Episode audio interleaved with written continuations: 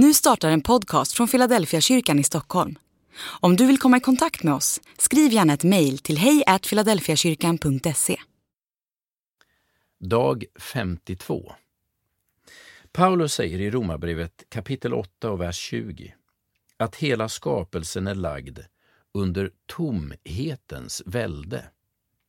Det är ett starkt uttryck för det absurda i tillvaron. Lidande tillhör det vi skulle kalla tomhetens välde. Det betyder att det inte finns någon mening i det. Lidandet saknar betydelse och innebörd. Som kristen försöker jag inte förklara lidandet som en del av Guds plan. Snarare är det ett uttryck för syndens förfärliga efterverkningar. Inte heller tror jag att människan får skylla sig själv när hon drabbas. Naturligtvis kan man försätta sig i situationer där man drabbas, men då kan de flesta också se sambandet och acceptera konsekvenserna. Nej, det går inte att anklaga den enskilda människan när en hel familj dör i en tsunamivåg eller barn blir föräldralösa i aidskatastrofens spår i Afrika. Mycket av lidandet drabbar fullständigt oskyldiga människor medan en del av dem som är upphov till lidandet går fria. Det finns ingen logik i lidandet, bara tomhet.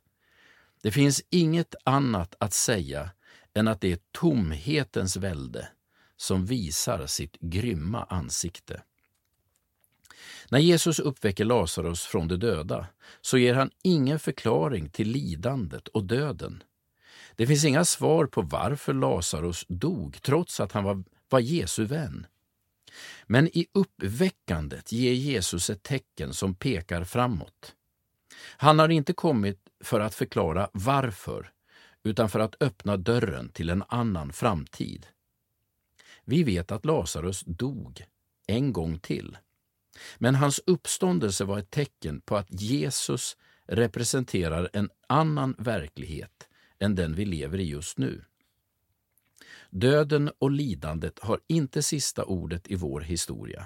Det har Jesus som uppväcker de döda. Andlig övning. Jesus har sista ordet i vår historia. Låt Jesus ha sista ordet i din historia.